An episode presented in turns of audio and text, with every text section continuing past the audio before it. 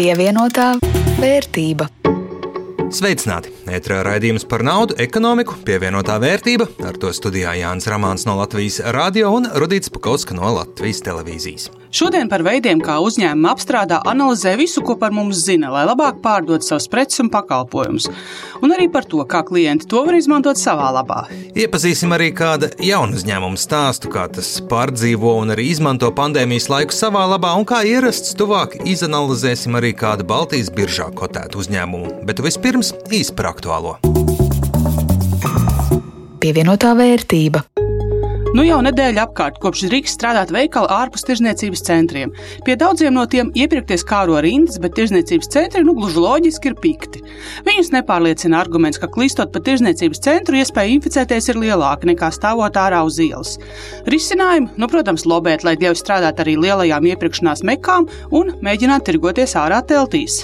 Bet cenas martā maķinīte augušas salīdzinot ar februāri, viss vidēji kļuvis par 0,8% dārgāks, bet salīdzinot ar mārtu pirms gada par 0,3%. Gada laikā dārgākas kļuvušas ar transportu saistītas preces un pakalpojumi, bet cenas samazinājušās apģērbiem un apaviem, kā arī pārtikai. Cenas pieaugs arī vietāluņiem un ārējiem diskiem. Par tiem nebūs jāmaksā datu nesēju nodevu. Par katru vietālruni būs jāmaksā eiro 50, par datoru cieto disku 2,85 eiro, bet par zibatmiņām un datoru ārējiem cietajiem diskiem būs jāmaksā attiecīgi 6 un 4% no vērtības. Jauniem likumam daudz iebildumu un pretinieku, jo āža kāja, vēlme vienkārši iekasēt naudu, ir pārāk acīm redzama. Toties šādu nodevu vairs nebūs jāmaksā par kompaktu disku matricām, acīm redzot ar autortiesībām aizsargātu saturu tādās vairs neviens neraksta, drīzāk diezko tās vairs neviens nepērk un nelieto. Slikti jaunumi kažoks zvēru audzēšanas nozarei. Tur fermā ar 60 tūkstošiem ūdeņu mirušiem zvēriem konstatēts Covid. Šādi gadījumi ir bijuši daudz vietā pasaulē, nu arī Latvijā. Un citur inficēšanās gadījumu dēļ izkauta lielākā daļa valstī audzēto ūdeņu. Pārtiks un veterinārais dienas šobrīd situāciju ūdeņu fermā iecevas novadā kontrolējot, bet zaudējumu uzņēmumam tik un tā garantēti. Daļa veikalu atkal drīkst strādāt, un tā kā varējām novērot, pie dažiem cilvēki gatavi stāvēt gāru, garās rindās. Tomēr nenoliedzami viens no ieguvumiem no pandēmijas ir interneta tirzniecības attīstība. Veikali, kuri domāja ko varēs iztikt bez tā visa, bija spiests tomēr pielāgoties. Arī klientiem nācās vien agri vai vēl, bet apgūt, kā tās lietas darbojas, kā sev nopirkt pareizās bikses vai apavus internetā. Bet līdz ar jaunām iespējām arī jauni izaicinājumi un problēmas. Jā, interneta tirzniecības apjomu jau griezdamies. Par to liecina piemēram fakts, ka Amazon vadītājs Jeffs Bezos ir atkal bagātākais cilvēks pasaulē, un pandēmijas laikā kļuvis divreiz turīgāks. Bagātie kļūst bagātāki un nabagie nabagāki. No otras puses, strauji pieaugusi arī konkurence internetu tirzniecībā. Tajā par augstu novērtētu mākslu kļuvusi spēja klientam piedāvāt tieši to, ko viņiem vajag un ko tie meklē, ja profesionāli sakot, klientu personalizāciju. Lielā mērā pateicoties tai, telekomunikācija grupa Bite savu pakalpojumu un preču tirzniecību internetā pērn kāpinājusi par 50%. Tā uzskata šīs grupas e-komercijas platformas arhitekts Renārs Neimanis. Kā uzņēmēja dienās kurzemē, konferencē skaidroja Neimanis, tiklīdz jūs ieiet viņu mājaslapā, tā sāk vākt informāciju par jums, lai parādītu piedāvājumus reklāmas, kuras domātas tieši jums. Visplašāk izmantotie dati ir momentānie dati, tie dati, kas ir, teiksim, kāds IP adreses vai to, ko klients apskata mājaslapā šobrīd, kādas kategorijas, pakalpojumus, produktus vai pat arī operētāja sistēmas. Un proti šo iegūstot, mums ir iespējas tad, tad konkrēto piedāvājumu atrādīt konkrētam individam maksimāli precīzi. Tad atrast katram klientam šo te individuālo piedāvājumu ir tiešām ļoti daudz kombinācijas un variācijas līdz pat 80 miljoniem vienā mēnesī mēs ģenerējam.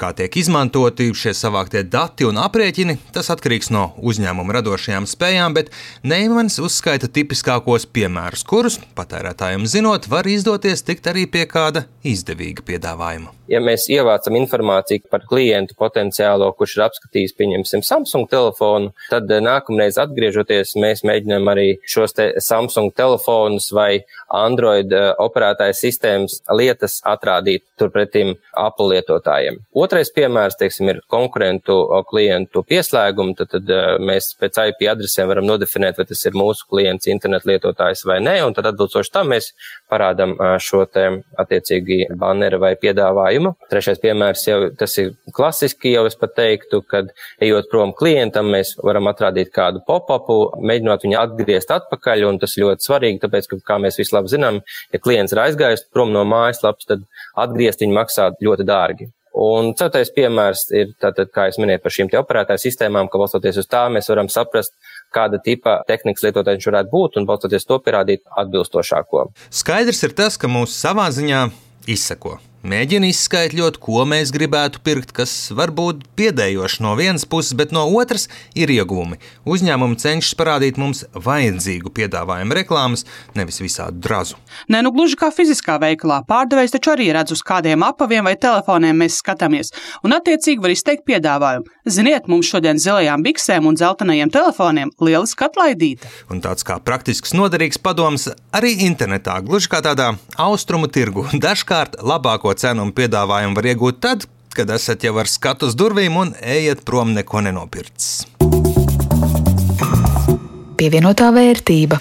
Bet turpinājumā praktisks pieredzes stāsts no jauna uzņēmuma, kur darbību pilnībā apturēja pandēmija, bet tā vietā, lai skumtu, pārdzīvotu, nolaistu ķepiņas, tas šo laiku izmantoja liederīgi, lai radītu ko jaunu. Global Wolf Motors. Iespējams, kāds atpazīst šo Latvijas uzņēmumu pēc elektriskajiem nomas drifta tricikliem un drifta hālis.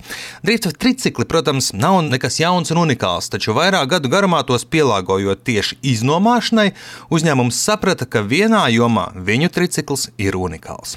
Sapratām to, ka mēs esam pasaulē vienīgie, kas piedāvā šādu produktu ar tādu izturību, lai to varētu nomāt, un lai viņš, piemēram, nu, tur sestdienas rītos, kad ir daudz klientu no rīta, kad ir iz, tiek ieslēgts un vakarā tiek izslēgts, lai viņš arī spētu to visu izturēt. Bija liels pieprasījums. Mēs, cik sapratām, laikam mēs bijām vismaz tā, nu, publiskā telpā, kas bija Google atrodams, vienīgie pasaulē, kas šādu konceptu piedāvāja un sākām saņemt jau vairākus pieprasījumus no dažādiem citiem investoriem ārpus Latvijas robežām, kas vēlās arī kaut ko šādu atvērt ārzemēs, attiecīgi ar mūsu produktu. Kā stāsta uzņēmuma vadītājs Klāvs Ašmanis, pirms pandēmijas uzņēmums paspēja veikt pirmās piegādes Igaunijā, kā arī sākt līgumu saskaņošanu ar partneriem Skandināvijā, bet tad sarkano gaismu visam ieslēdza Covid-19. Nu, tad notika tā diena pirms gada, kad uh, cilvēks Uhaņā apēda to liktenīgo sikspārnu.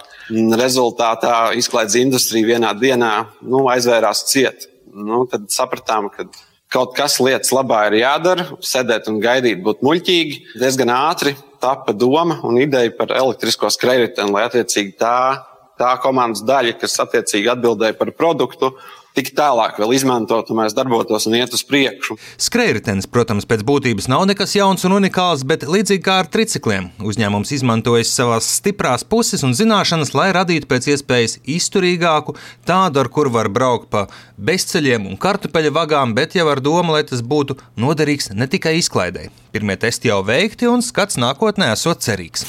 Pirms nedēļas tam mēs izbraucām ar viņu jau pilnā izskatā, tajā jaudā, kādā mēs paredzējām to pirmo variantu. Pēc trīs nedēļām mēs testēsim pašu jaudīgāko variantu, kas būs mums arī pieejams. Un atsauksmes ir lielisks, veiktspējas ir lielisks. Tā pieredze mums ir tāda ar šo, ka es gribētu teikt, ka neko jaunu mēs neizdomājam. Arī drift tricikls bija, kas sanāca tā nejauši, kad tas paralēli tas Wolftraiks izveidojās, kad drift hāli ņemot vērā visu to klientu pieprasījumu. Un tad arī šeit skrejtenis nav no jauna izdomāts, bet nu, būtībā mēs viņu esam apaudzējuši, pielāgojuši tādām lietām, lai mēs varētu startēt uz eksportu uz vairākām industrijām, lai tā nebūtu arī viena industrija, kā šobrīd tas ir Wolftraikam, kad izklaides industrija, un ja tur kaut kas notiek, mēs esam diezgan ļoti atkarīgi no tiksim, nu, vienas nozares. Par šīm nozarēm runājot, uzņēmums cer, ka bezceļu skrejritenis būs interesants lauksaimniekiem, uzņēmumu teritorijās, medniekiem, un interesi par to izrādījuši arī bruņoties spēki, kur šāds aparāts varētu būt noderīgs piemēram robežu apsakošanā un uzraudzībā.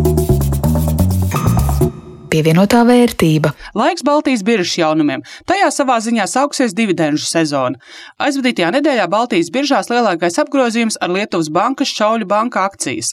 Darījumi 4 miljonu eiro vērtībā. Akciju cenai pieaugums par teju 12%.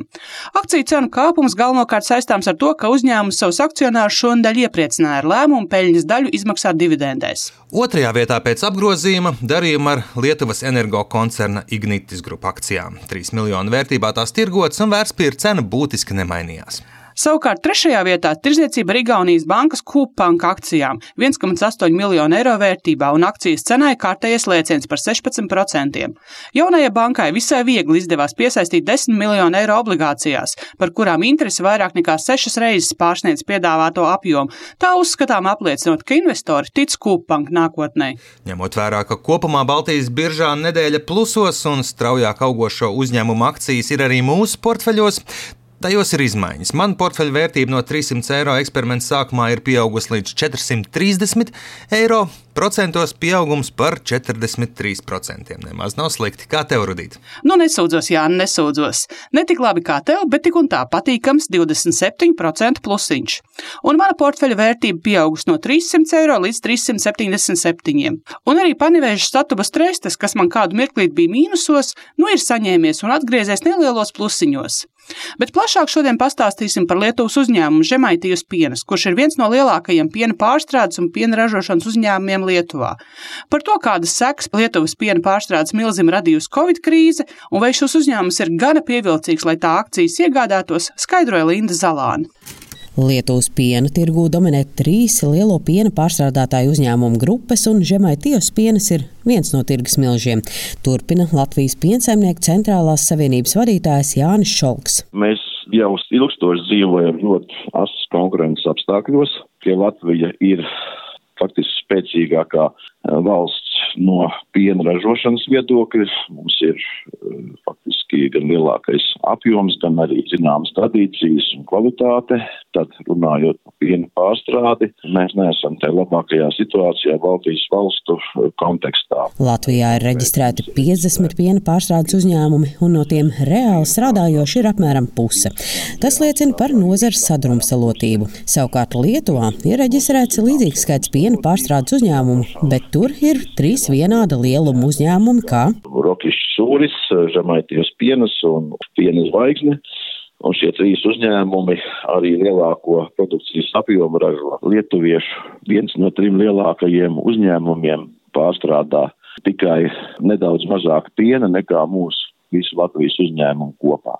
Tātad pēc savas efektivitātes mums būs ļoti grūti līdzināties Lietuvas uzņēmumiem un attiecīgi viņu ražoto produktu pašizmaksai. Ja runājam par Žemaitijas pienas, tad šī uzņēmuma ražotie produkti ar tādiem zīmoliem kā džūgas, magija, piknika un citiem gozēs arī Latvijas veikalu plauktos.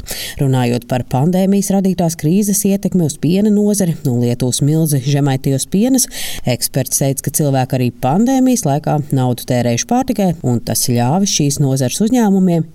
neizjust dziļu krīzi. Par to liecina arī Žemaitijas pienas finanšu rādītāji, kas par spīti krīzē ir gandrīz nemainīgi. Ja 2019. gadā Žemaitijas pienas apgrozījums bija 186 miljoni eiro, tad 2020. gadā 182 miljoni eiro, proti kritums par 4 miljoniem, jeb 2%, kas nav būtisks tik lielam uzņēmumam. Kā ierasts biržas dalībnieka Žemaitijas pienas pievilcību no ieguldītāja skata punkta vērtē arī uzkrājuma ieguldījuma eksperts eksperts Kaspars Pēcinieks. Ja skatāmies uz vēsturisko sniegumu, tad iepriekšējā piecgadu laikā uzņēmuma ir pieaugušas par 184%, kas pats par sevi it kā ir labs rādītājs. Taču lielais pieaugums bija tieši 16. un 17. gadā. Savukārt kopš 17. gada septembra līdz šodienai akcijas cenas pieaugums ir vien tikai 2%. Un, attiecīgi, šajā periodā bija arī cenas nokritušās par vairāk nekā 20%. Un kopumā aktīvu cenu dinamika pēdējā dažu gadu laikā neizceļas ar īpašu pievilcīgumu. Bet kāda ir uzņēmuma Žemaitijas pienas dividendžu politika? Vai tā ieguldītājiem ir pievilcīga? Lai arī no 16. līdz 19. gadam uzņēmums dividendēt izmaksāja kopā 35 centus uz vienu akciju, tomēr uzņēmuma dividendžu izmaksu politiku nevar saukt par paredzamu. Oficiāli tā nav nekur tā uzreiz pieejama, kā arī dividendi netika maksāti ne 14. ne 15. gadā. Un tā kā 20. un 21. gadā uzņēmums lēma neizmaksāt dividendus, bet uh, izmaksāja daļu no peļņas uh, darbiniekiem prēmijās. Bet nu, tā ir arī ja paša akcionāra, protams, izvēle, vai maksāt dividendus vai nē. Nu, no vienas puses arī diezgan labs solis, tas ir nu, atalgot savus darbiniekus par labu darbu, jo peļņa tomēr uzņēmumam ir, viņa ir salīdzinoši stabila, salīdzinoši arī liela. Lai gan Covid-19 sitiens uzņēmuma apgrozījuma un peļņas rādītājiem gājas secen, tomēr arī kopš 2017. Gada uzņēmumam nav izdevies būtiski audzēt apgrozījumu un peļņas augstāko punktu, tas sasniedz 2016. gadā, bet pēc tam uzņēmums nav vairs spējis uzrādīt līdzvērtīgus rādītājus. No vienas puses finanšu rādītāji ir stabili. Uzņēmums ir ar senu vēsturi, ievērojumu tirgus daļu gan Lietuvā, gan citviet. Ieguldījuma ekspertam jautāja, cik pievilcīgs šis uzņēmums ir un vai ir vērts iegādāties tā akcijas. No kopumā man uzņēmums neliekas pievilcīgs ieguldīšanai šobrīd. No vienas puses, jā, tam ir stabili apgrozījuma peļņas rādītāji, taču tas atrodas plaša patēriņa preču nozarē ar ļoti augstu konkurenci un attiecīgi limitētām peļņas uzlabošanas iespējām. Līdz ar to es nesaradu augstu varbūtību straujam un būtiskam peļņas pieaugumam, Un tāpat arī uzņēmuma akcijas šobrīd ir relatīvi dārgas salīdzinot ar vēsturiskiem līmeņiem. Tomēr pozitīvs signāls ir tāds, ka uzņēmuma vadība un pašreizējā akcionāri uzskata, ka akcijas ir diezgan pievilcīgas. Par to liecina akcionāru sapulcē pieņemtais lēmums veikt akciju atpirkšanu. Tādā veidā samazinot akciju skaitu apgrozībā un attiecīgi nākotnē peļņu būs jādala ar mazāk akcionāriem. Linda Zalāne, Latvijas radio. Ar to arī izskan raidījums pievienotā vērtība. To jums sagatavoja Jānis Ramāns no Latvijas radio un Rudīts Pakauska no Latvijas televīzijas, bet par labskaņu rūpējās Renārs Šteimanis. Šo un arī citus mūsu raidījumus varat atrast gan Latvijas radio mājaslapā, gan populārākajos podkāstu servisos. Uz tikšanos pēc nedēļas!